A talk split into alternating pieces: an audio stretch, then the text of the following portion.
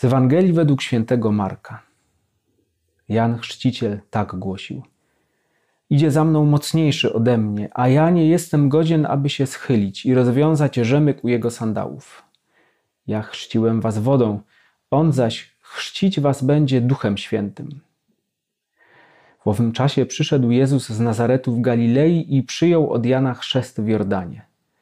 W chwili, gdy wychodził z wody, ujrzał rozwierające się niebo i ducha jak gołębice wstępującego na siebie.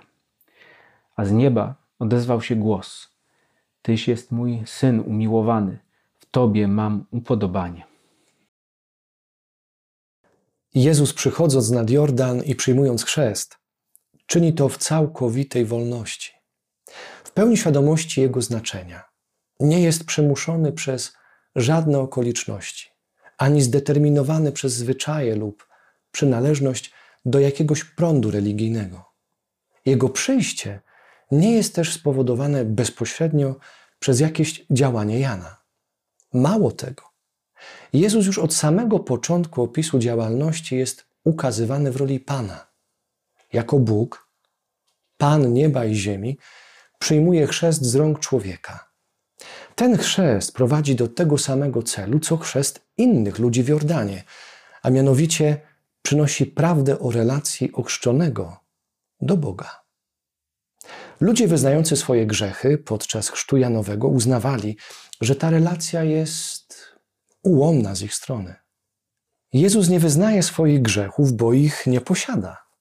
Ten brak wyznania zależy nie od Niego samego, ale od bezpośredniej interwencji Ojca i deklaracji Ojca Jezusa, bo w momencie, kiedy powinny zostać wyznane grzechy, sam Bóg daje wyznanie, ale o zupełnie innej treści.